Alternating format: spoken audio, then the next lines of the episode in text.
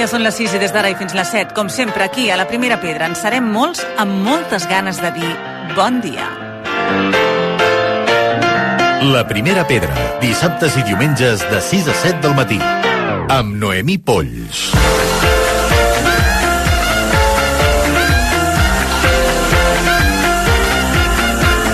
Els amants del vi tenen aquests dies l'oportunitat d'explorar la cultura vinícola al cor de Barcelona amb la Barcelona Wine Week, la fira de referència de vins d'arreu de l'Estat que comença just demà. I coincidint amb aquesta fira, l'excel·lència vinícola i el luxe hoteler es donen la mà en el primer festival que fusiona l'art de gaudir del vi amb bona gastronomia i el luxe hoteler. Parlem del Hotel Wine Fest i Nona Rubio Esteu, fundadora de l'Hotel Wine Fest. Nona, molt bon dia. Molt bon dia, Noemí, què tal? Molt bé, amb ganes de que ens expliqueu això, perquè, clar, tot sona com a molt exclusiu, però estem parlant d'unes activitats que estan obertes al públic en general, ¿no? Exacto. Es como la película, no sé si es la película, pero sí, es algo así como Reina por un día o Rey Ay, por sí. un día, ¿no? Eh, entonces podemos, podemos disfrutar de ese lujo hotelero porque son hoteles todos los participantes de cinco estrellas o cinco estrellas gran lujo, pero a un precio súper asequible. Es decir, abrimos las puertas de los hoteles de lujo a los ciudadanos, a la ciudad, también a los visitantes, por supuesto, para que descubran esos espacios gastronómicos que no nos atrevemos a frecuentar, pero que no te voy a decir cada, cada día ir a comer allí, pero una vez al mes sí que es muy asequible porque están, están ofreciendo pues menús ejecutivos, menús de degustación bastante asequibles. Y nosotros lo que queremos hacer es abrir las puertas aprovechando la, la feria Barcelona Wine Week, la feria del vino, alojar a esas grandes deos que vienen a, con motivo de la feria, alojarlas en los grandes hoteles y descubrimos, por una parte, los grandes vinos que tenemos en nuestro país y por otra, los grandes hoteles que tenemos en nuestra ciudad. Sí, senyor, estem parlant del Palace, el Manac, el Cotton House, Majestic, Monument Hotel, el Claris, el Kimpton Vivido, no, Vividora, perdó, el Neri, el Whitemore Hotel, eh, em sembla que no me'n deixo cap, oi? Yo creo que no, creo Son- que has, has nombrado los nueve, creo. Exacte, nou hotels que, que acolliran aquest, eh, aquest joc també amb, amb un punt gastronòmic, és a dir, hi haurà tot un maridatge, no?, acompanyat també de- d'una part gastronòmica. Exactamente, los vinos, eh, bueno, necesitan sus maridajes, ¿no? Porque si no, quizás nos vencían los vinos, pero eh, a un buen vino le tiene que acompañar un buen plato, una buena tapa, un buen platillo, ¿no? Entonces, lo que, lo que hemos hecho es crear, bueno, lo que han hecho los chefs de los hoteles participantes es crear una serie de tapas, platillos y menús de gustación especiales para esta ocasión que van a maridar con los vinos de las denominaciones de origen que se alojan en sus hoteles. Entonces tenemos por un lado, cada hotel va a tener una opción que es una tapa o platillo maridada con, eh, con una de las cinco referencias que tendrá cada hotel. O sea que en cada hotel encontraremos cinco referencias diferentes o de cavas o de vinos. El público va a poder escoger, pues mira, me apetece probar este vino de esas cinco, ¿no? Eh, con la tapa. Es un precio súper popular, son 8 euros la tapa o platillo más el vino, que son grandes vinos. Eh, o sea que es- yo creo que es un regalazo, porque si ya solo un vino de estos nos podría, bueno, nos podría costar más que la tapa y el vino en un tipo de, de establecimiento de estos. Y luego, por otro lado, tenemos la parte de menú eh, degustación que el menú degustación son eh, cinco pases, en alguna ocasión hasta seis, maridados con esos, esas cinco referencias que va a tener cada hotel. Es decir, eh, un menú degustación a base de seis o cinco o seis platos y cinco referencias de vino de cava a un precio que va a rondar los 50 euros con el maridaje incluido, o sea, otro regalazo. Sí, sí, eh, ara mateix ho dèiem, tan sols anar a fer una copa de vi per 8 euros amb tapa i disfrutar d'aquests halls que desconeixíem, aquestes biblioteques, aquests racons, aquests jardinets fins i tot que tenen aquests hotels, eh, jo crec que és una gran oportunitat de conèixer joies de la nostra ciutat que moltes vegades desconeixem i que és això, que tenim com un mur de vidre que ens sembla que ens no puguem permetre'ns-ho i en aquest cas doncs, podrem fer aquest joc que a més a més ens permetrà també participar escolta'm, d'un premi que al final també es dona i que també hi ha eh, el premi del públic, és a dir, podrem ser membres d'un jurat. Exactamente, un jurado popular que va a valorar precisamente lo que tú dices, que es la experiencia, porque eh, es, al, fin, al fin y al cabo no es solo gastronomía, no es solo vino, es una experiencia global, es una experiencia exclusiva y es una experiencia que podemos disfrutar durante seis días en, este, en esta ocasión. Luego sí que podemos frecuentarlos, ¿no? De vez en cuando, pero esta experiencia en concreto son seis días, hay que aprovecharlo. Entonces el público lo que va a hacer es votar la, las experiencias que, que vivan ellos mismos en persona, ponerles nota, ¿no? Entonces la el hotel más mejor valorado, no el más votado, sino el mejor valorado, va a recibir ese premio especial del público a la mejor experiencia de Hotel Wild Fest. Uh -huh. I a part hi haurà el Premi Millor Maridatge, en aquest cas amb un altre jurat? Exactamente. En este caso el jurado es profesional y está formado, pues bueno, por Miguel Herrero, que es el director general de alimentación del Ministerio de Agricultura, Bruno Tanino, que es sommelier y coautor de Sapiens del vino, que todos conocemos ya de la Wikipedia, Eva Hausmann, que es chef y divulgadora de la dieta mediterránea, y Ferran y Medio, un periodista, bueno, compañero vuestro del periódico. Uh -huh. Doncs tots ells formaran part també d'aquest jurat de Premi Millor Maridatge. Amb, aquesta, amb aquest festival, estem parlant de l'Hotel Wine Fest, que podreu participar-hi fins al 7 de febrer.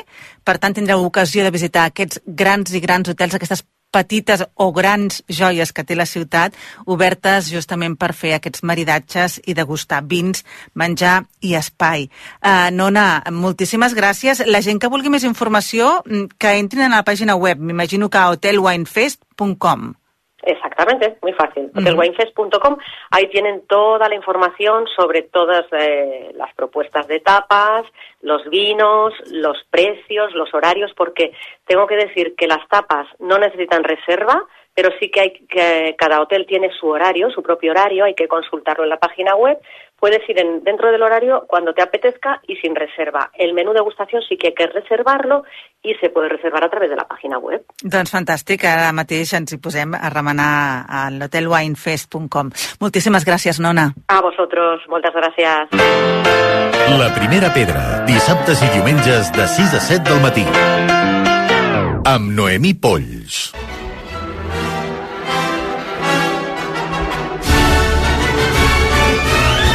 Ai, sí, bona música és el que volem sentir avui. I escolta'm, la tindrem aquí a casa, amb Marc Balcells, bon dia. Bona música vols? Sí. Bona música tindràs.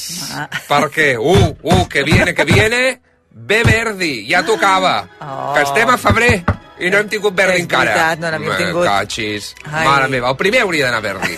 El primer, però. No et preguntaré si t'agrada Verdi, perquè ja ha quedat molt, eh, molt evident. I en aquest molt. cas és Valium Màscara. Oh, voleu, esteu preparats? Home, per ser el ball més el Liceu diu a la promo, és el ball més famós de l'òpera. Jo diria el més mortal perquè no tothom sortirà Viu. amb la màscara a lloc. Però bueno, per ser un ball molt loco, mira, mira com comença el ballo en màscara.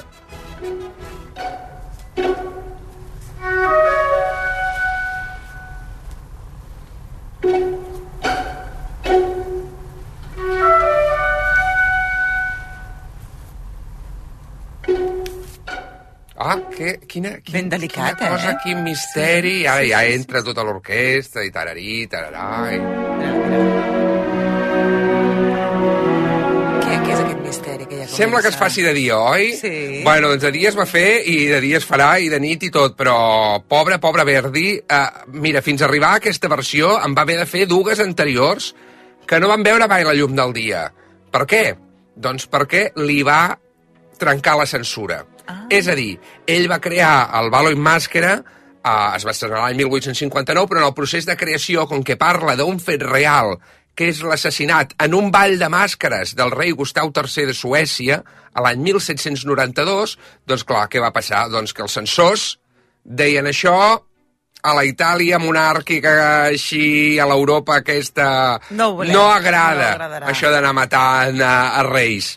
Per I per tant, molt. l'òpera passa al Boston de les colònies, què et sembla? Perquè Ah, van dir allà, no allà mata res. qui vulguis. Allà mata qui vulguis, que no tenen ni reis, ni nobleza, va, va ser, ni... Va ser bastant uh, intel·ligent Què canviar l'escenari. eh? Doncs Quina mira, cosa. quina... Sí, sí, doncs així sí, ha anat noia, el món. en fi. I ara anem veient una mica els protagonistes, Va. una òpera... És que no us la podeu perdre. Si tinc unes ganes, me catxis que, que tiraria el micro per terra. Però bueno, en fi. No ho facis, que si no et sentiré. No, no, no. Escolta, el Ricardo, que és el Sí. tenor, està super feliç perquè hi haurà un ball de màscares i està convidada la seva estimada Amèlia. Ah. Ah. amb la qual se l'estima molt però no pot tenir res perquè és la dona del seu millor amic, primer ministre, conseller, el Renato, que per cert arriba a la cort per dir-li que, escolta, uh, hi ha un atemptat planejat contra ell. Escoltem-lo, el baríton, que és el Lester Lynch. alla vita che cammine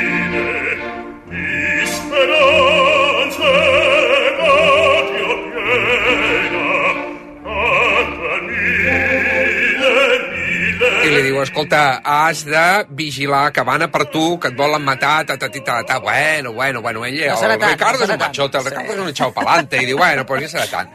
Un altre cas, perquè ell està despatxant casos, no? I diu, bueno, escolta, que hi ha un tema d'una bruixa i tal i qual, i diuen, pues, escolta, per decidir què fem amb aquesta bruixa, ens disfressarem tots i anirem a veure-la i a veure què passa.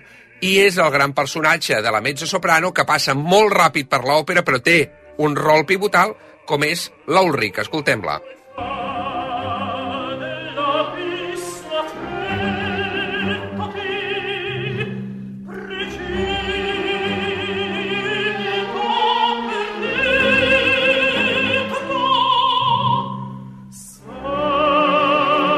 És que, que bé tractava les veus, el baríton, el, la mezzo, és, és, és meravellós. I aquest està pues, invocant el dimoni perquè, clar, és, és pitonissa. Clar, Llavors, ells, per anar a veure què passa amb aquesta senyora, es vesteixen de mariners, perquè, clar, no, no pot semblar que aquí el, el governador de Boston se'n va... de Boston, és que té nassos el tema eh, de la censura. bueno, se'n va a veure la bruja piruja aquesta, i llavors, doncs ella li fa els seus encanteris i li diu tu de mariner no tens res i et matarà el primer que et doni la mà.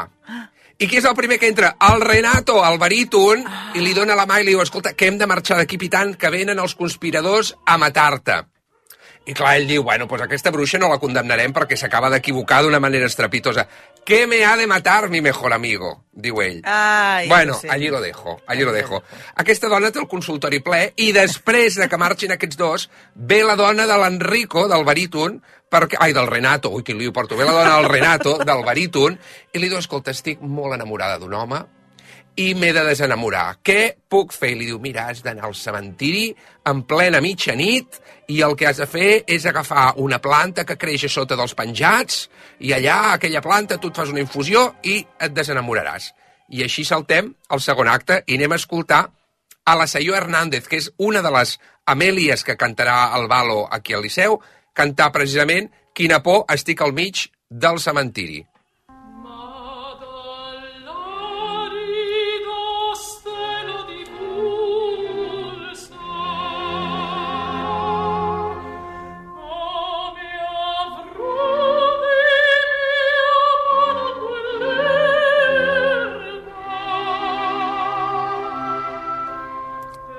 Quina delicadesa. molt enamorada. Què passa aquí? Està morta de por perquè es vol desenamorar i ser una dona enamorada només del seu marit.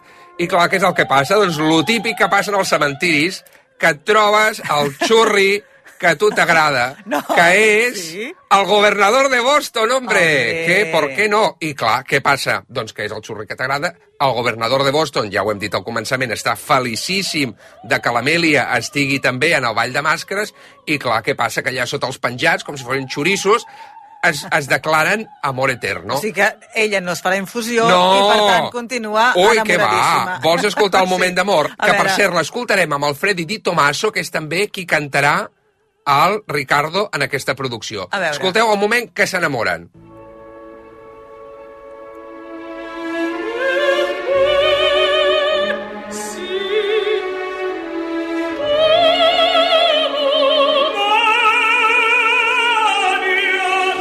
Fantàstic. Bueno, quina meravella. Mami o mami, tal, tal, o... Per... Bueno, tal. Què passa? Una altra vegada torna a haver-hi un intent d'atemptat i, clar, arriba a l'amic, al baríton, i diu, ai, que estàs aquí amb una noia, ui, ui, ui, que trapella, que trapella, espera. I ell li diu, porta-la a les portes de la ciutat i no pots mirar qui és. Però descobreix que és l'Amèlia Ah. i agafa un cabreo impressionant de que el seu millor amic ha estat en un cementiri tontejant amb la seva dona. Ojo! No ha passat res en cap moment. Però clar, què és el que passa? Que es troben també en el cementiri amb els conspiradors contra la seva vida i allà ja diuen, escolta, a tu et volem com el que li foti el, el, el cop Ara que mortal. estàs així, enfadadet, enfadadet, no? Anirà per sorteig, però bueno, el tema, el tema és que ell vol que li toqui. En qualsevol cas, doncs, escolta, a- al tercer acte, doncs ella, ella ja està amenaçada de mort pel marit i sap que la matarà i, bueno, i ja les coses es precipitaran fins a arribar al ball de màscares on ja el pobre governador de Boston, el Ricardo, ja sap que ja algú atentarà contra la seva vida i hi ha aquest gran moment de do de pecho del tenor que diu no, no, jo vaig al ball de màscares perquè he d'estar allà i ni que sigui veure-la una última vegada.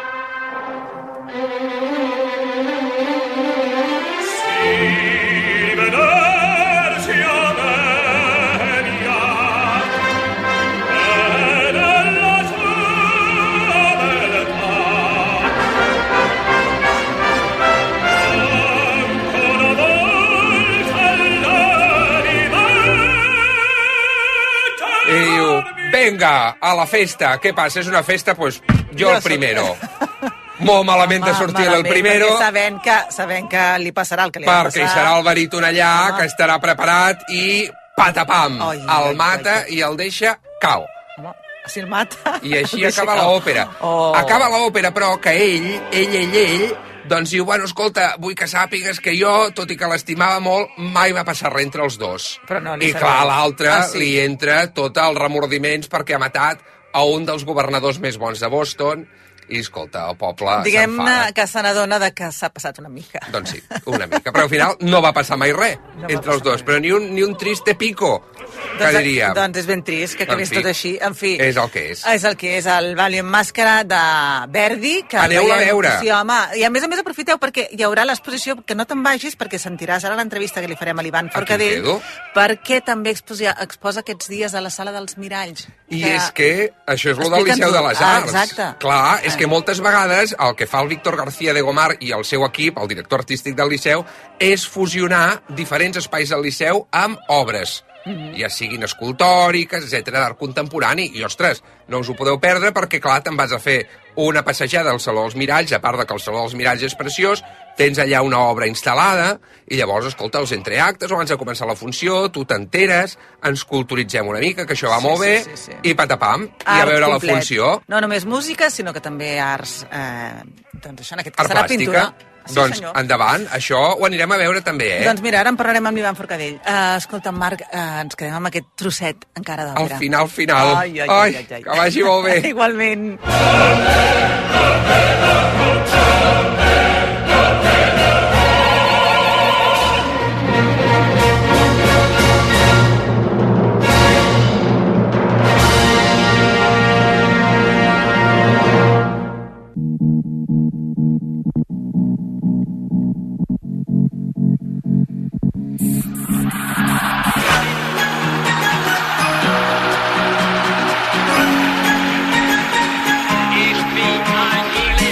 I ara ho comentàvem amb el Marc, un balo i màscara s'estrena aquest 9 de febrer al Liceu de Barcelona i coincidint amb l'obra de Verdi a l'escenari, la Sala dels Miralls exposarà obra de l'artista multidisciplinari Ivan Forcadell, El jardín de la tia Carmen. Ivan, bon dia. Hola, bon dia. Ivan es va formar a la Universitat Eina de Barcelona, exposat a Madrid, Los Angeles, Lisboa, Tarragona, al desembre a Miami.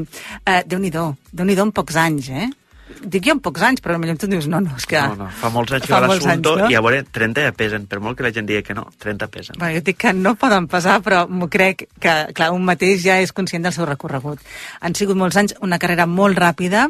De fet, ara, des del 18 de gener, estàvem parlant d'exposicions ja fetes, però a l'Espai Isert del Mau de Barcelona exposes la suite del Cabanyón número 2, que seria una mica l'embrió del que es podrà veure al Liceu aquests dies. Situa'ns una mica, a veure. Pues mira, eh, passen dos coses importants per mi en esta expo, que és la primera, que la suite del cabanyó número 1 és una cosa que es presenta al centre d'Art Lopati, En posta? en posta, una peça que francament agrada, i en aquesta fundació em diuen, i havia treballat més cops en aquesta fundació, em diu, podrem que la portessis a Barcelona.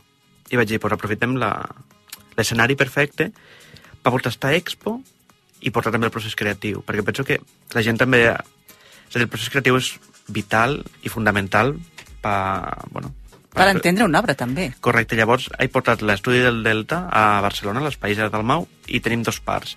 Una, la instal·lació, aquest suite del Cabanyet número 2, i la segona part és on aquest estudi que hem, ha intentat recrear, bueno, s'han arrencat parets i s'han portat, i, i bueno, on s'està creant la peça que després va instal·lar dels miralls. Mm Em sembla molt interessant també pensar en el que motiva aquesta exposició, perquè és una exposició que està que reflexiona sobre la fragilitat i la precarietat de les comunitats que treballen al camp. Uh -huh. uh, això són coses que han sortit de la crítica d'aquesta exposició, però que, a més a més, és un homenatge a la, famo a la famosa cabanya de l'arquitecte de Le Corbusier, que va construir el 1952 a la Costa Blava. I, per tant, espais petits, aquests espais petits que tu també reprodueixes amb, amb aquesta exposició. Vale, aquí han passat moltes coses. La primera és que és una mica una presa de pèl, lo de la suite del Cabanyón. Sí? sí, perquè la suite del... La, em, el Cabanyón de la Corbusier, si es busca, bueno, hi ha uns temes que no se sap de, si és de la dona, si és d'ell, qui l'ha fet, Ahà. bueno, hi ha un cert tipus de crítiques, però el que m'interessava molt és la broma que, que hem jugat en els, en els meus amics perquè em vaig comprar un prat molt menut i el cridem Lo Cabanyón. I la peça, la suite del Cabanyón número 1, es va començar a crear al Prat. Bueno, al Prat de les Cases. Sí, i és res, és una cabanyeta que fent la conya, pues, lo cabanyón, lo cabanyón, lo cabanyón, i s'ha quedat lo cabanyón. Llavors comencem a jugar una mica d'aquí, perquè passar-te-ho bé i la ironia és fundamental per contar coses després. I la peça del Liceu, el jardí de, el jardí de Tia Carmen, parla d'això i parla també d'esta mena de justícia de portar tota aquella gent que mai va poder anar al Liceu. En este cas, eh, treballo a partir d'unes fotos antigues d'una persona, d'una senyora d'una classe econòmica molt baix, baixa i que possiblement, purament especulatiu, però és una gran realitat, no es va poder permetre anar al Liceu. Llavors planta un llenç de 8x3 al mig de la sala dels miralls per, per parlar d'això, no? De tota aquella gent, de, de Maiella, les ties, tota aquesta gent que no es van poder permetre anar mai al Liceu, pues, que per primera vegada tinguen El seu espai. el seu espai. Perquè, de fet, tu parles del, del món de l'art i dius l'art no té res de snob, però que el món de l'art sí que ho és. Correcte. L'art com a tal és una necessitat, però el món de l'art, col·leccionistes, no tots, òbviament, però hi ha un esnopisme i una tonteria que n'hi ha com per pegar-los bufetades. ho entenc, però no ho compartixo. Al final, l'art no salva cap vida, te pot ajudar a nutrir l'ànima, que, que és important, però això és a dir, relaxem-nos. Tant els creadors com toquem els peus en terra, no? Tu creus que la, la, les teves arrels, eh, evidentment, és el Canà, tu ets del Canà, Mhm. és un poble agrícola. Creus que això et fa tocar molt més de peus a terra en aquest sentit, fins i tot a l'hora de crear? Bueno. Et dona una perspectiva diferent? Me dona una perspectiva diferent en quant al procés creatiu, perquè puc crear allà, creo des d'un punt de vista des d'una situació molt còmoda, perquè el temps me condix més, i l'altre, en la família que tinc, perquè ma mare, si s'ha de plantar mig a l'Isabel i pegar-me una bufetada, l'arròs no té tipus de problema, i ho agraeixo.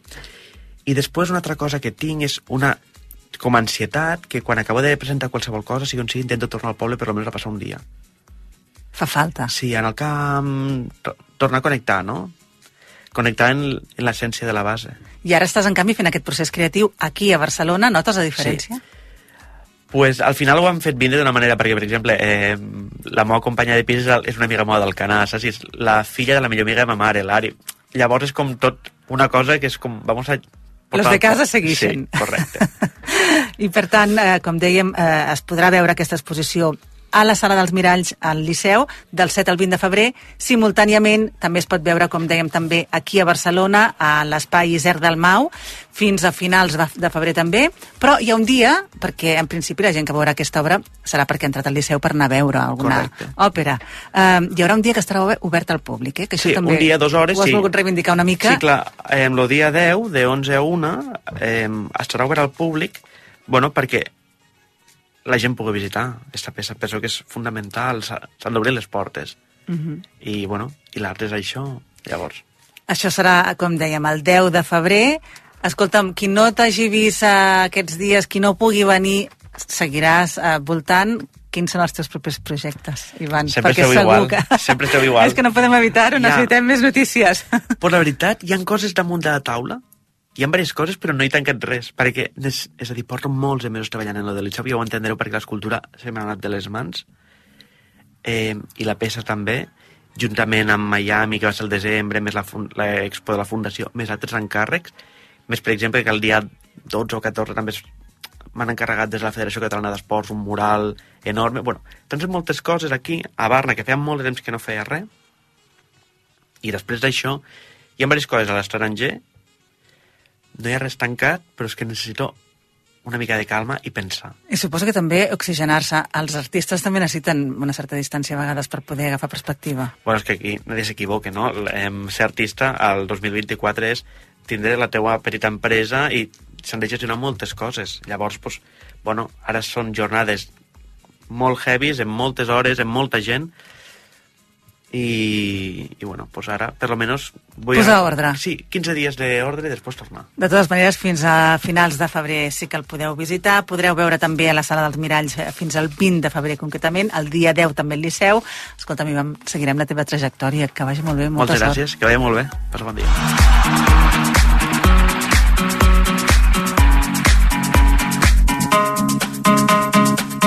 Moment ara per saludar en Jordi Margarit. Jordi, molt bon dia. Bon dia, Noé. Un 4 de febrer de 1973 es reorganitza a Catalunya el PEN Club, que des de la Guerra Civil era a la clandestinitat. L'acte es fa d'una manera igualment clandestina dalt d'un autobús entre Barcelona i l'Espluga de Francolí. El PEN és una entitat internacional que promou els drets lingüístics i la llibertat d'expressió. Està format per escriptors, periodistes, promotors culturals i, en general, per amants de la literatura. Aquell 1973, a la ràdio de mig món, s'hi escoltava Elton John i aquest Crocodile Rock.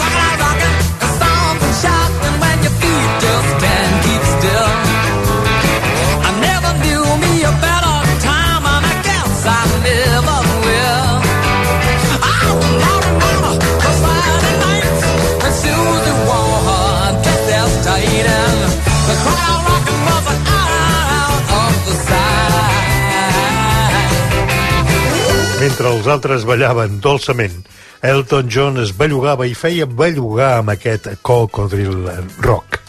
Aquí, l'any 1973, la cosa més de rock anava de versions folk. Falsterbo 3 presentava a la ràdio No tinc altra sortida. Ja no tinc altre sortida si no és esperar-la. No fos que tornés no tinc mà cap més cara que aquesta i ves pel joc sóc jugat ah. Una versió catalana del tema de Crosby, Stills and Nash, Helplessly Hoping. Aquell 1973, Ràdio Tarragona celebrava el seu 40 aniversari. Recordem que l'emissora feia xarxa amb Ràdio Associació de Catalunya. A Ràdio Tarragona hi havia Josep Maria Terrassa, que amb el seu personatge Maginet comentava l'actualitat d'aquells 40 anys de Ràdio Tarragona. Mira, Maginet, de lo que se trata es de recordar aquellos nuestros primeros pasos en la radio. ¿Era usted nuestras primeras palabras? Bien, quiero decir, nuestras primeras emisiones. Hace ya 40 años. Entonces no cuente conmigo. Any 1973. Encara n'havien de passar tres més per regularitzar el català a les zones de ràdio. Cada matí confegeixo de nou els silencis que ens van fregar el somrís. Montse Interiors t'ofereix Cases amb ànima.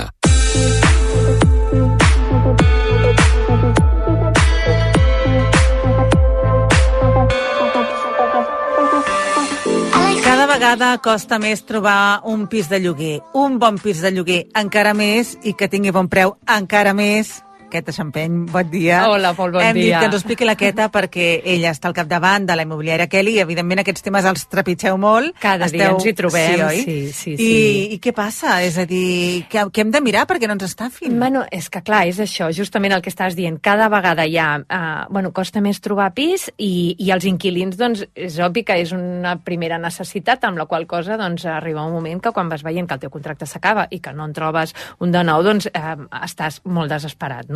I realment ara estem vivint un moment que, que, que, no, doncs, que ens trobem amb inquilins molt desesperats i això, malauradament, hi ha gent que se n'aprofita. I avui us porto tres maneres per evitar, sobretot, que no us prenguin el pèl, que no us estafin amb aquestes reserves de, de pisos a lloguer. I una l'apuntaves tu. Ara, cada ca- vegada costa més trobar pisos a bon preu. Sí. Amb la qual cosa, si trobeu un pis a molt bon preu, desconfieu. Ja. Si trobeu un, un lloguer que destaca no perquè és superinteressant i, no sé, i té unes condicions fantàstiques, aixequeu la cella. Inclús us diria, si és lleugerament massa interessant, aixequeu També, la cella. també, també. Sí, desconfieu. Clar. O sigui que jo, la, el primer consell és això, desconfieu de, de pisos molt interessants, on, on us apretin molt per dir és que tinc molta demanda, o... O, ràpidament ingresseu aquí i després ja parlarem Exacte. de l'altre o ja l'anirem a veure després. Exacte. Feu una exacte. Primera reserva. Aquesta, aquesta és el primer consell i, i més, més important. No avanceu diners per un immoble que no heu visitat. És veritat que tot i així us podrien enredar i ensenyar-vos, però ja, ja requereix com una infraestructura molt, molt complicada, tenir les claus d'un pis que després doncs, no fos teu. El més normal d'aquests anuncis el que fan és que dupliquen un anunci que ja existeix i aleshores doncs, baixen el preu o busquen unes fotos i s'inventen un anunci. No? Aquests portals immobiliaris a vegades no, no, no poden verificar totes les publicacions que fan i, eh, i, mo, i no se'n responsabilitzen del contingut, amb la qual cosa doncs, eh, ja requeriria molta més logística inventar-se una visita a la propietat i de més. O sigui que si et diuen eh, abans de veure el pis ingressa'm ja uns diners de reserva perquè no se t'escapi, no ho Val. facis. Val? Què més? Uh, segon, uh, això que dèiem, desconfia de preus sospitosament o fins i tot lleugerament massa interessants.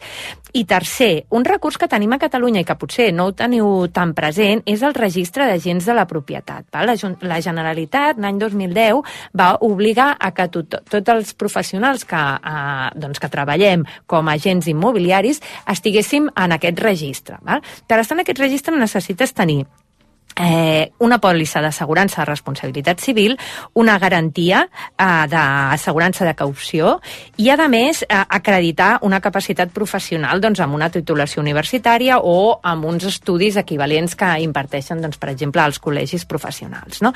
Què vol dir això? Que si tu treballes amb una persona que és un professional registrat, d'entrada doncs, tens les garanties de que tindràs eh, eh, tot això cobert. Val?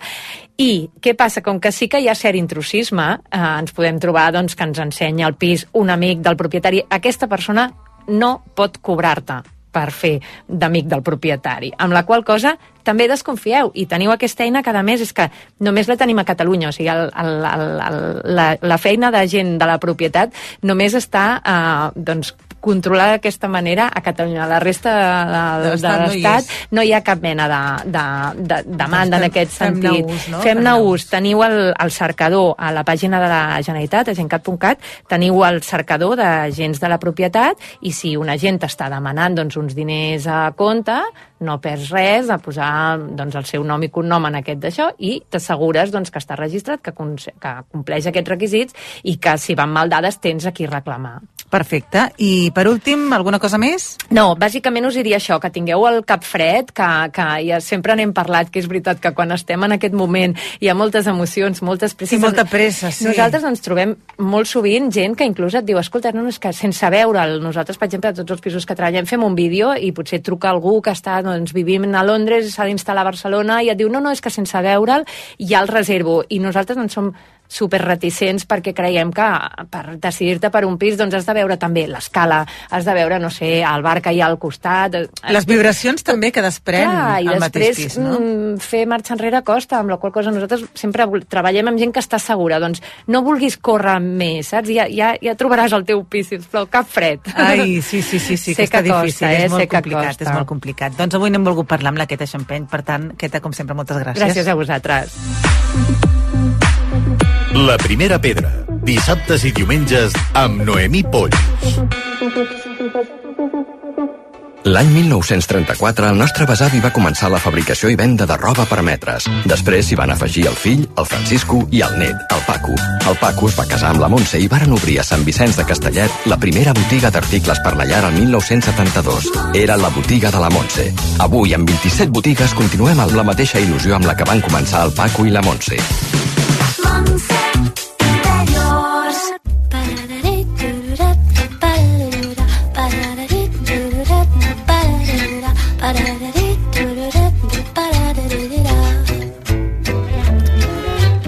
Ens hem de cuidar i ho hem de fer sobretot a nivell mental. Um, parlem moltes vegades amb l'Helena Puigguitar, que ella és psicòloga i comunicadora. Helena, bon dia. Bon dia, Noé. I a vegades no ho sabem fer bé, perquè moltes vegades els pitjors, els que ens tractem pitjor, som nosaltres mateixos, no? És a dir, ens arribem a parlar molt malament. Per què ho fem? Perquè és més fàcil parlar-nos malament que bé? No, però, mm, sens dubte, el que dius tu és el foc amb nosaltres és molt pitjor amb, a nivell de llenguatge intern que el que faríem servir amb algú altre, perquè amb algú altre primer potser no ens ho toleraria, no? I segon, nosaltres no ens ho permetríem, perquè no ens permetríem, moltes vegades poso l'exemple de mm, permetries, o sigui, parlaries així de malament com et parles a tu mateix a una persona que estimes molt, la teva parella, els teus pares, els teus fills, els teus germans, els teus amics, no. Aleshores, quan només que facis aquesta, aquesta pregunta, t'atures i te n'adones de com t'estàs tractant, no? Em preguntes que per què ho fem.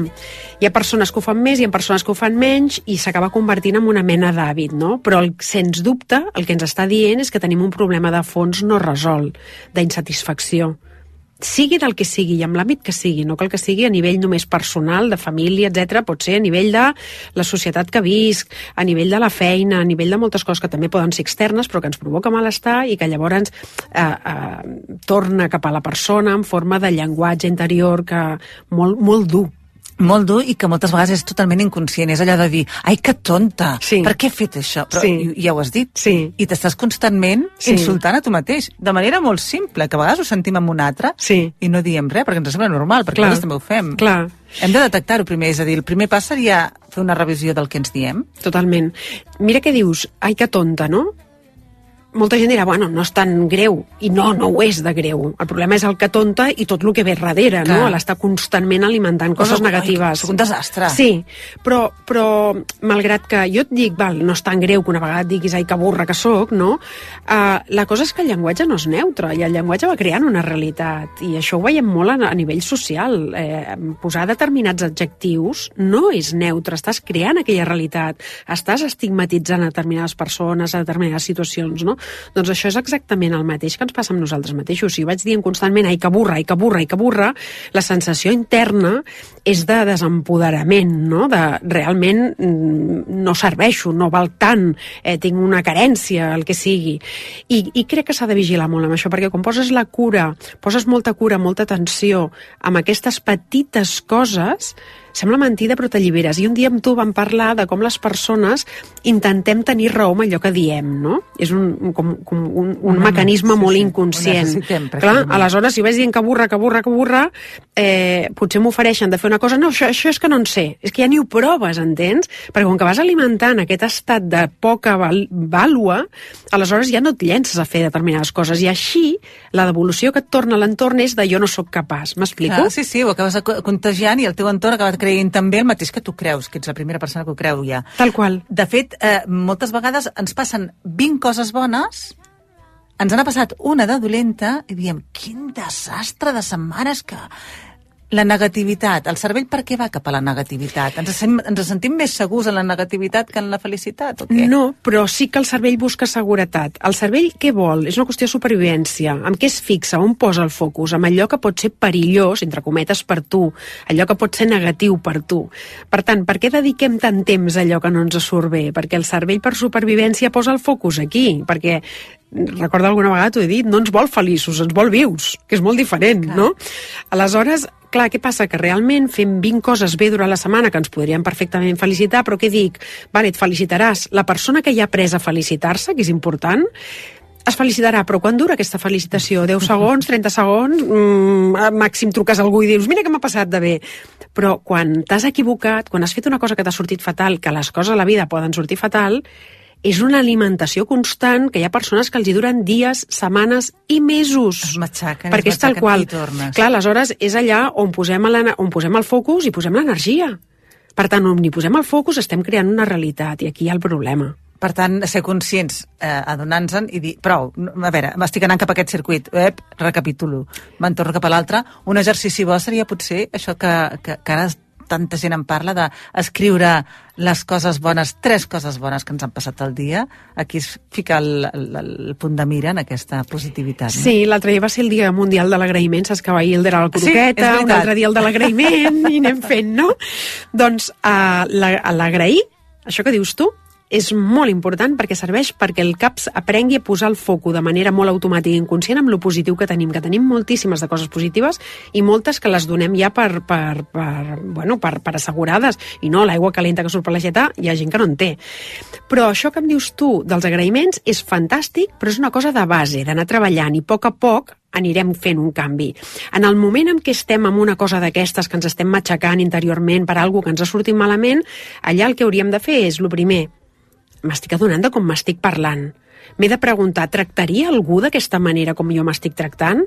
I després aprendre a relativitzar, i si cal escriure-ho, pensar que no ha sigut tan greu segurament el que ha passat, hi ha coses que sí que són greus, vale? d'acord, però fins i tot en aquesta s'ha de treballar, però la majoria no, eh, no són tan greus, val? per tant, relativitzar, i després ser capaç d'entendre que el, els errors i les equivocacions són fonts d'aprenentatge, perquè ho són, i és molt important anar treballant de base això, no? M'equivocaré. Les persones que proven 100 vegades em poden encertar dos. Si jo només provo una, segurament no n'encertaré cap. Clar. Vale, doncs aquí està la cosa, no? El poder ser capaç d'arriscar-te per, per, des del punt de vista, des de, des de la, la, la, la seguretat de que equivocar-se és una font d'aprenentatge, perquè això és el que em dona la valentia per llançar-me a fer coses i a pensar, bueno, m'ha sortit fatal, doncs demà hi tornarem. Aquesta por a equivocar-se jo crec que ens afecta en moltes situacions de la vida i és una de les primeres que ens hem de treure. Sí. Escolta'm, per tirar endavant eh, ens haurem d'equivocar alguna vegada, Sí. aprendre dels errors. Sí. Doncs eh, això és el que volíem avui comentar, eh, justament aprendre a reconèixer quan ens estem tractant malament, nosaltres mateixos, que no ho fem ni amb els que més estimem, per tant no ho fem tampoc I si, amb nosaltres. I si algú ens ho fes a nosaltres? Exacte, estaríem molt enfadats. Clar, Doncs, si, escolta'm. les mateixes paraules que ens diem i si ens les dives a algú... No, eh, bueno, no, no, pues no, no, no ho pues ja- permetríem. Clar, doncs va, no, no ens ho permetem nosaltres tampoc. Helena, com sempre, un plaer. Moltíssimes gràcies. Gràcies a tu, Noé.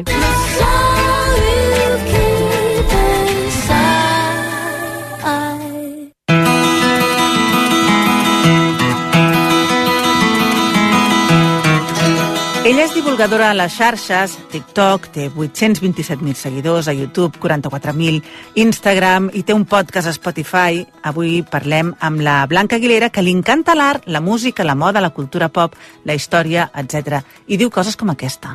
Hi ha moltes dites populars catalanes que em flipen. Però d'on ve de tocar el dos? Per què diem això quan volem marxar? Realment, aquesta dita és una mica lost in translation, perquè originalment no era tocar el dos del número 2, sinó tocar el dors, és a dir, l'esquena, l'espatlla. Era un moment en el qual no hi havia cotxes i el mitjà de transport eren els carros tirats per cavalls o ases. Aleshores, havies de tocar el dors si volies espavilar l'animal i despertar-lo una mica abans de marxar. Ah, és a dir, no és tocar el dos, sinó el dors. Blanca, Sí. bon dia, Bon dia. benvinguda. Escolta'm, déu nhi expliques coses que, que molts no coneixem i per què explicar-les, no? Mm, No ho sé, crec que sóc una persona molt xafardera i quan se m'han acabat els safrejos dels meus amics vaig començar a investigar una mica altres coses que potser la gent no, no pensa tant o no, o no, o no sap. I a mi m'agrada doncs, aprendre coses i al final les explico. A més a més, tu has estudiat comunicació audiovisual, has fet un màster d'estilisme i direcció artística, sí. per tant, ja t'has format una mica amb com explicar històries, no? Una mica, pot ser, pot ser, però jo des de petita sempre he estat com explicant coses, era una nena molt xerraire, sempre a l'escola em deien que la Blanca sempre estava parlant, sempre estava parlant, i suposo que també deu venir d'aquí una mica. Segur, segur, perquè això no s'improvisa i ho fas amb molta naturalitat fins al punt de que has aconseguit moltíssims seguidors. 827.000 seguidors. Sí. Esperaves tenir tant, tant d'èxit? Mm, No, però tampoc... O sigui, no m'ho esperava perquè explico coses doncs, que no, no, no són tan comuns a les xarxes, tot i que hi ha gent que divulga també de cultura superinteressant, però tot i així penso que hi ha molta gent molt friqui d'aquestes curiositats i tampoc, o sigui, a vegades quan ho expliques tothom li, li fa gràcia aquestes coses, aleshores també és com una cosa molt natural. Has trobat eh, justament eh, temes que interessen a tothom. Sí, una mica sí, suposo. Que desperten la curiositat Exacte. de tothom. Uh, vas començar ja parlant en català o en castellà? No, clar, jo quan vaig començar, en el meu cap, que és una cosa molt errònia, pensava que el, la creació de contingut en català no existia i tampoc era una possibilitat, cosa que era una... Per mi era una... Quant temps fa? Clar, jo vaig començar a YouTube amb 18 anys, o sigui, fa molt de temps, i TikTok vaig començar amb 21, o sigui, fa tre, dos, tres anys. Diu, fa molt de temps, els teus 18. sí, fa molt de temps. Uh, però realment era una altra situació, potser, a nivell lingüístic. Sí, sí, sí, i, però ara me n'adono que és que no té cap mena de sentit el que jo pensava en aquell moment i per això estic intentant començar a integrar una mica la nostra llengua al contingut perquè penso que és una cosa molt necessària i molt important. Mm -hmm. Malgrat tot, el contingut també era bastant d'aquí, no? Explicaves històries de Barcelona. Sí, sí, sí, per exemple, a mi Sant Jordi m'encanta, aleshores quan arribava a Sant Jordi em feia molta il·lusió poder explicar coses de Sant Jordi o el tió, coses així m'agraden molt també. I quines coses, quins temes creus que són els que han despertat més interès a les xarxes? Faig una secció que es diu En la cama con, que és una mica la vida íntima dels personatges històrics. I tot i que a la gent li agrada anar de cultureta i tot això, a tothom li agrada una mica aquest safreig, aleshores crec que això és el que més interessat generalment. Seria com la salsa rosa, Exacte. la salsa rosa de, de, la, de la història, no? Una Exacte. mica. Però i on et formes? D'on treus tota aquesta informació? Depèn molt de cada tema. Com, per exemple, moda, com he estudiat moda a diferents llocs, he fet el màster, he fet un curs al, al Museu del Disseny de Barcelona, doncs moda, per exemple, són els meus apunts. Si és un altre tema més concret, doncs revistes d'història, que tenen articles molt concrets. Depèn molt. Tenim la sort que ara mateix tenim una biblioteca a casa, amb internet has de tenir molta cura amb què trobes, què filtres, què expliques, com ho expliques, però sí que és cert que tenim moltíssima sort ara. És una guia per trobar els prostíbuls del Renaixement de Barcelona. Com li deies, una persona que potser era guiri o no sabia el català o no sabia llegir que el teu local era un bordell. Doncs feien servir les carasses, que encara les pots veure al barri gòtic i al Born. I a més, els prostíbuls també estaven obligats per llei a pintar la part de baix de l'entrada de color vermell com dient aquí passen coses fogoses. Ah, per tant, a l'entrada vermella és que passaven coses Exacte, era una mica com el barri vermell d'Amsterdam, però amb, amb pintura, bàsicament. Clar, temes com aquests, doncs suposo que també els trobes a xarxes, aquests? Aquest, no me'n recordo pas on ho vaig trobar. Crec que va ser un article que vaig llegir. Com valides aquesta veracitat? Depèn molt. Per començar, miro la, la font, tant de quin caire és, és a dir, si té una intenció eh, ideològica com si és només informar, i també doncs, intento contrastar amb diferents, sobretot revistes. És que revistes em van molt bé perquè són articles, el que dic, molt concrets. No és algo molt general, com per exemple un llibre. Jo quan parlo de coses molt concretes em van molt bé revistes. Aleshores miro quines revistes ho expliquen, com ho expliquen, etc. I ho fas molt bé perquè, a més a més, eh, se t'ha reconegut. Recentment vas guanyar el Premi TikTok a Creadora Revelació a la categoria de divulgació. Sí. Què tal, aquesta experiència de guanyar el Va Premi TikTok? Va ser, va ser molt xulo, sobretot la, la cerimònia estava... M'ho vaig passar molt bé, és el record que tinc, que m'ho vaig passar molt bé. I t'ha suposat alguna cosa? Alguna repercussió més mediàtica? Doncs no exactament, perquè jo segueixo una mica doncs, fent el que m'agrada, de la forma que m'agrada i ja està, però sí que és cert que fa, fa il·lusió quan has treballat molt, perquè és, és molta feina aquests vídeos, tot i que ho deixo moltíssim, no puc dir que no, no és feina perquè sí que ho és, llavors que t'ho reconeixen doncs fa una mica d'il·lusió, no puc, no puc mentir. És que tens vídeos eh, amb contingut molt interessant, com aquest també. Aquí vivia una de les dones més terrorífiques de la història de Barcelona, o això diuen. L'anomenada vampiresa del Raval o la vampiresa del carrer Ponent, que actualment és el carrer Joaquim Costa. Clar, la vampiresa del carrer Joaquim Costa doncs no té molt de punts. Aquesta dona era l'Enriqueta Martí, que Enriqueta no és un nom que faci molta por, però clar, si us dic que va assassinar a moltíssims nens a principi del segle XX, com us quedeu? Diuen que segrestava, prostituïa i assassinava nens per treure-los la sang, la medul·la òssia, el greix, etc.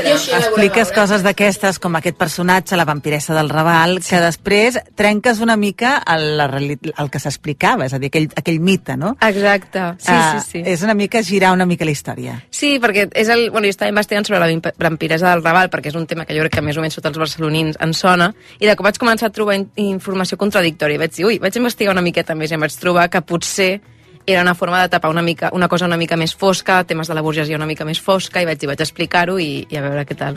Uh, ara deies que has acabat ja el màster. Sí. Com veus el teu futur? Perquè és Ui. evident que estàs tenint molts seguidors, però, clar, es fa difícil, no?, també obrir-se camí tant en aquest món com en el món en general de la història, de la creativitat. Està... Com ho veieu, en, els que sou joves ara? Per començar, a mi no m'agrada pensar del futur, No m'agòbia t'agrada. molt. No, però si, si ho haig de fer, ho faig. Eh, jo, per ara, a mi m'agradaria continuar per aquest camí, anar provant diferents formats, diferents plataformes, també m'interessa moltíssim, i seguir fent el que m'agrada mentre es pugui. Si no puc, ja buscaré una altra solució. Tampoc, tampoc és, és... Sí, vull dir, s'han de buscar opcions per continuar endavant, però per ara estic fent el que m'agrada i això per ara és el que m'importa. Clar, és el que justament et roba més hores, però clar, quan fas una cosa que t'agrada, les hores Sí. et passen volant. No, a mi em passa que a vegades tinc un momentet lliure del dia que no sol passar, però quan passa és com, quin era el meu hobby? Perquè he aconseguit doncs, fer una mica del meu hobby la meva feina. Clar. Però clar, quan arriba que tinc un momentet lliure, dic, ara què faig? Perquè clar, no, no em posaré a treballar. Clar, no posaràs a llegir tot això que ja has llegit, perquè ja ho has estat fent. Escolta'm, on et trobarà la gent? On et busca? Eh, pot ser TikTok, sóc molt pesada, estic una mica a tot arreu. Mm, TikTok, Instagram, YouTube... Posa en Blanca Aguilera i sortiràs immediatament? Sí, sí, jo crec que sí. Per tant, eh, sense complicacions. Blanca Aguilera, que com dèiem, eh, ha rebut aquest premi TikTok, però és que a més a més ha arribat a 827.000 seguidors i la podeu seguir. Eh, avui l'hem volgut tenir aquí a la primera pedra. Gràcies. Moltíssimes gràcies, Blanca. Moltes gràcies. La primera pedra arroba racu.cat.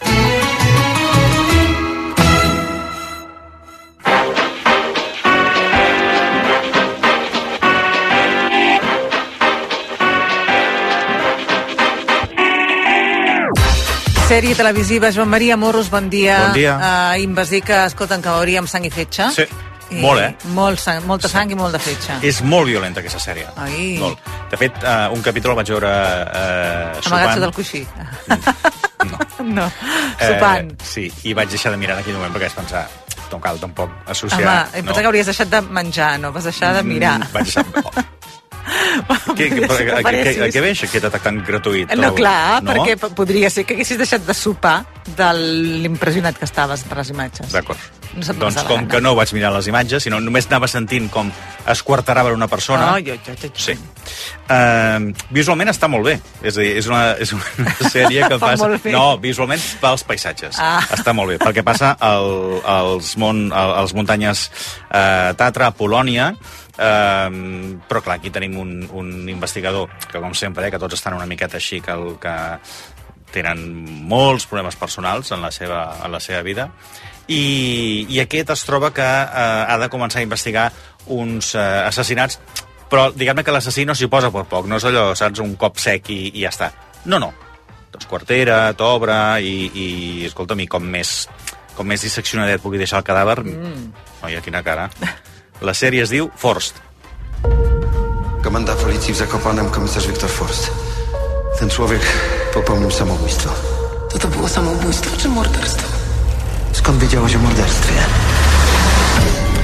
Que passa que eh, en, el Víctor Force és uh, molt bo com a investigador i com a policia i aleshores té també aquesta mena de lluita amb el seu cap de si pot investigar, no pot investigar. Entra en contacte també amb una periodista que uh, arriba als llocs dels fets, perquè ho fa molt bé, abans fins i tot que la policia avisi, que se sàpiga que, que ha passat això, i anem veient aquest assassí en sèrie com va matant eh, déu nhi eh? unes quantes personetes i, i els va, saps, allò lligats amb cordes, amb, amb, amb postures estranyes, sense cap... Mm. Tampoc no estic avançant, res, però No, ja bàsicament, m'imagino. sí, bàsicament Aquí és, està. és per, estar, per estar previngut. Molta violència. Ja. Jo diria que és de les... De les Més eh, violents que has vist últimament? Sí. Mm? Sí. Sí, sí, sí, sí. Però està bé. És dir, només són sis capítols, una temporada. Eh, Aquesta sèrie està a Netflix. Eh, si tingués molt èxit, podríem dedicar a fer un altre, un altre cas, eh? Però, eh, diguem-ne que l'especi- l'especificació que té és això, és a dir, tampoc no estem tan habituats a que passin sèries que, que ens miren de Polònia, sobre detectius i tal, que això podria estar a qualsevol altre país, és a dir, és, és equiparable a qualsevol altra producció, però sobretot això, és a dir, que tota l'estona el que estan veient és un, les muntanyes, ens van dient quina és l'altitud que té cada un dels escenaris on, on passi l'ubicació, cosa que està pues, com a mínim té una certa originalitat, perquè Sí, tampoc sí. no ho has vist, no? mira. Si tu, tu em diràs, noi, amb quines coses et fixes, què vols que et digui? Pues No, això, està bé, està bé, que no? escolta'm, cadascú li troba la gràcia allà on vol, no? Però jo, només que per tants assassinats, el que passa és que si la trama Digues. policial està ben feta, Sí. Ho val la acceptes? pena. Ho accepto. Mira què et dic. Sí. Doncs- Home, i ell té, té, clar, el pobre assassí també té els seus, no? Um, O què? No, No, eh? no, no, no, no, no, no, no, no. Sis capítols per Sis això, capítols, sí. Més o menys entre tres quarts d'hora... Ens enganxaran i una del primer sí, a l'últim. Sí, no, no, això segur. Val. Eh, Pot ser que, és a dir, que treguis les ulleres i aleshores no veus la pantalla faré i com- continu, faré com et deia jo al principi, Però vas, em escol taparem vas el coixí. No, taparem el coixí i ja està. Sí. Va. Um, i, I, és a dir, la, la, la història, les seves frustracions també personals, els problemes que té... Uh, no, no, està, està diguem-ne que ben lligat amb la, amb la trama. Forst, a Netflix, una temporada de sis capítols. Doncs també la mirarem. Escolta'm, Joan Maria, uh, me'n vaig a mirar la sèrie. Culturem, sí, i sí. anem fent camí dels Oscars, Exacte, no? sí, sí, sí, sí, sí. eh. Avui faré deures. D'acord. Que vagi molt bé. Bona setmana. Igualment.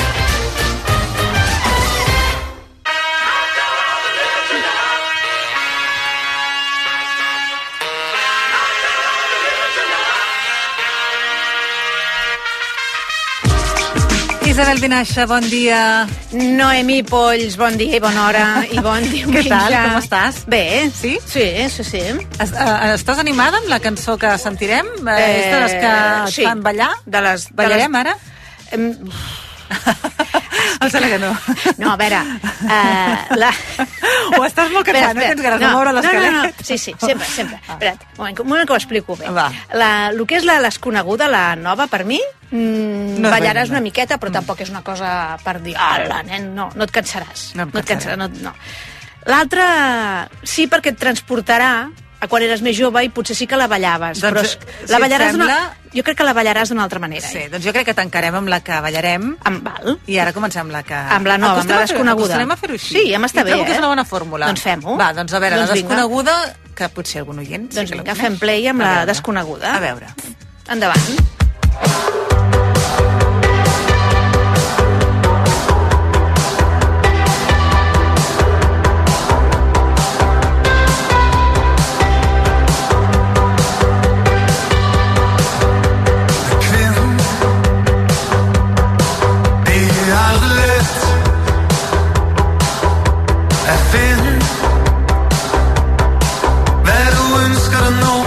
Home, eh, sona a pop anglès, britànic, no?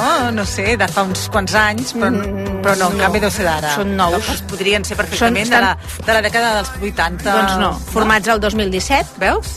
És un grup de tres nois que canten, que canten amb... que canten. Doncs no, és, no, no no és anglès. pendent. Ah, no és anglès? No, a veure, no, a no, veure. no, no. No,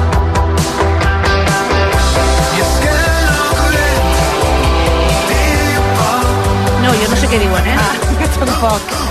No em faré firantesa ara. Doncs què? Són danesos. Danesos. Mm. La cançó es diu Jack Skal Nok Bente. El grup es diu Jung, és J-U-N-G, no sé si ho he dit bé, perdoneu-me. Eh? I el títol l'he volgut traduir perquè sempre m'agrada saber a veure què. Hauré d'esperar. M'ha agradat. Que bonic. Hauré d'esperar, amb Jung. Eh? Però estàs d'acord amb mi que podria ser perfectament de la dècada dels 80? Sí, sí, sí, però són del 2017. Veus? Van guanyar un premi el 2020 per al disc Blitz, que aquesta cançó està íntegra dins el, el disc. I m'han agradat molt, perquè és que tu, tenen un rotllo així vuitantero, però són del 2017. Que bo. Doncs I m'agrada molt com sonen, són Escolta'm, potents. Doncs el buscarem, el buscarem Val, per perfecte. l'Spotify i Clar, descobrirem més temes. els trobareu, els trobareu segur. I, I ara una de més bailonga, has dit? Home, bailonga... Bueno, més que bailonga, records, que, que sí que la pots ballar perfectament. És que els records i... et fan ballar més, eh? Mm, Exacte. I et dic això perquè... Bueno, per què t'ho dic? No t'ho dic, és igual. No m'ho diguis. Fem el canvi, si plau.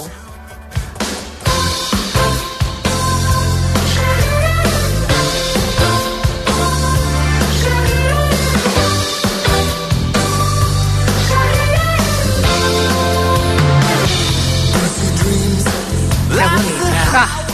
Buah. Ai, per favor. Ai, sí, quin viatge més maco, veus, a través de la música? La balles? Va, sí, jo sí que la ballo, però la ballo d'una altra manera. No sé si m'explico. No la ballo com... com, com balla, la ballo. O sigui, la ballo escoltant-la.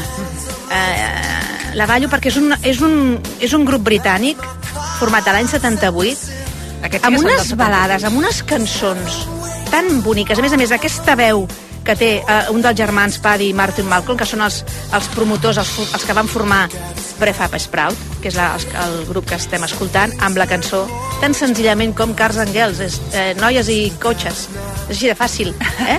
és que és, és fàcil el Sense títol. complicar-se la vida, Exacte. I que em fa molta gràcia perquè diuen que aquesta cançó és la típica que està en les llistes aquelles eh, canciones para ir en carretera. I dius, pam, trobes aquesta. Doncs mira. Eh, dius, bueno, no sé si és per ir per en carretera pel simple fet que posa cars, però No tampoc sé. caldria. Jo me la posaria per a ir a tots los lados, m'entiendes? Eh? Que tampoc Amb cal. cotxe o amb patinet, és Exacte. igual, o amb bicicleta. És un, és un grup que sempre m'ha fascinat molt i m'agrada molt posar-lo avui i prefereixo, doncs mira, doncs, escoltar aquesta soni, cançó que tenen doncs. d'altres, eh? però que Sí, soni, sí, que sí, soni. Doncs la farem sonar. Mhm. Isabel, ha estat molt maco aquesta tria de tema. O sigui, Gràcies. que Ens quedem amb aquesta musiqueta que ens Perfecte. acompanyarà Mm. i que tinguis un gran diumenge. Adéu-siau. Adéu-siau a tothom.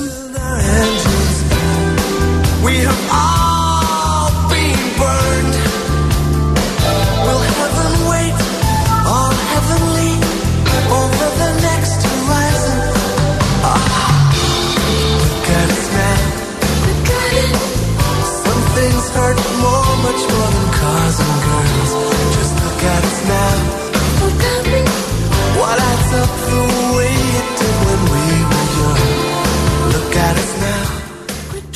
A CaixaBank sabem que acompanyar-te és estar amb tu sempre que ho necessitis. I com que volem que protegeixis el més important, et mantenim el preu de les assegurances de salut i de vida i de l'alarma Securitas Direct sense pujades durant 3 anys. Informa't en la teva oficina o a caixabank.cat. CaixaBank. Tu i jo. Nosaltres. S'aplica les assegurances MyBox.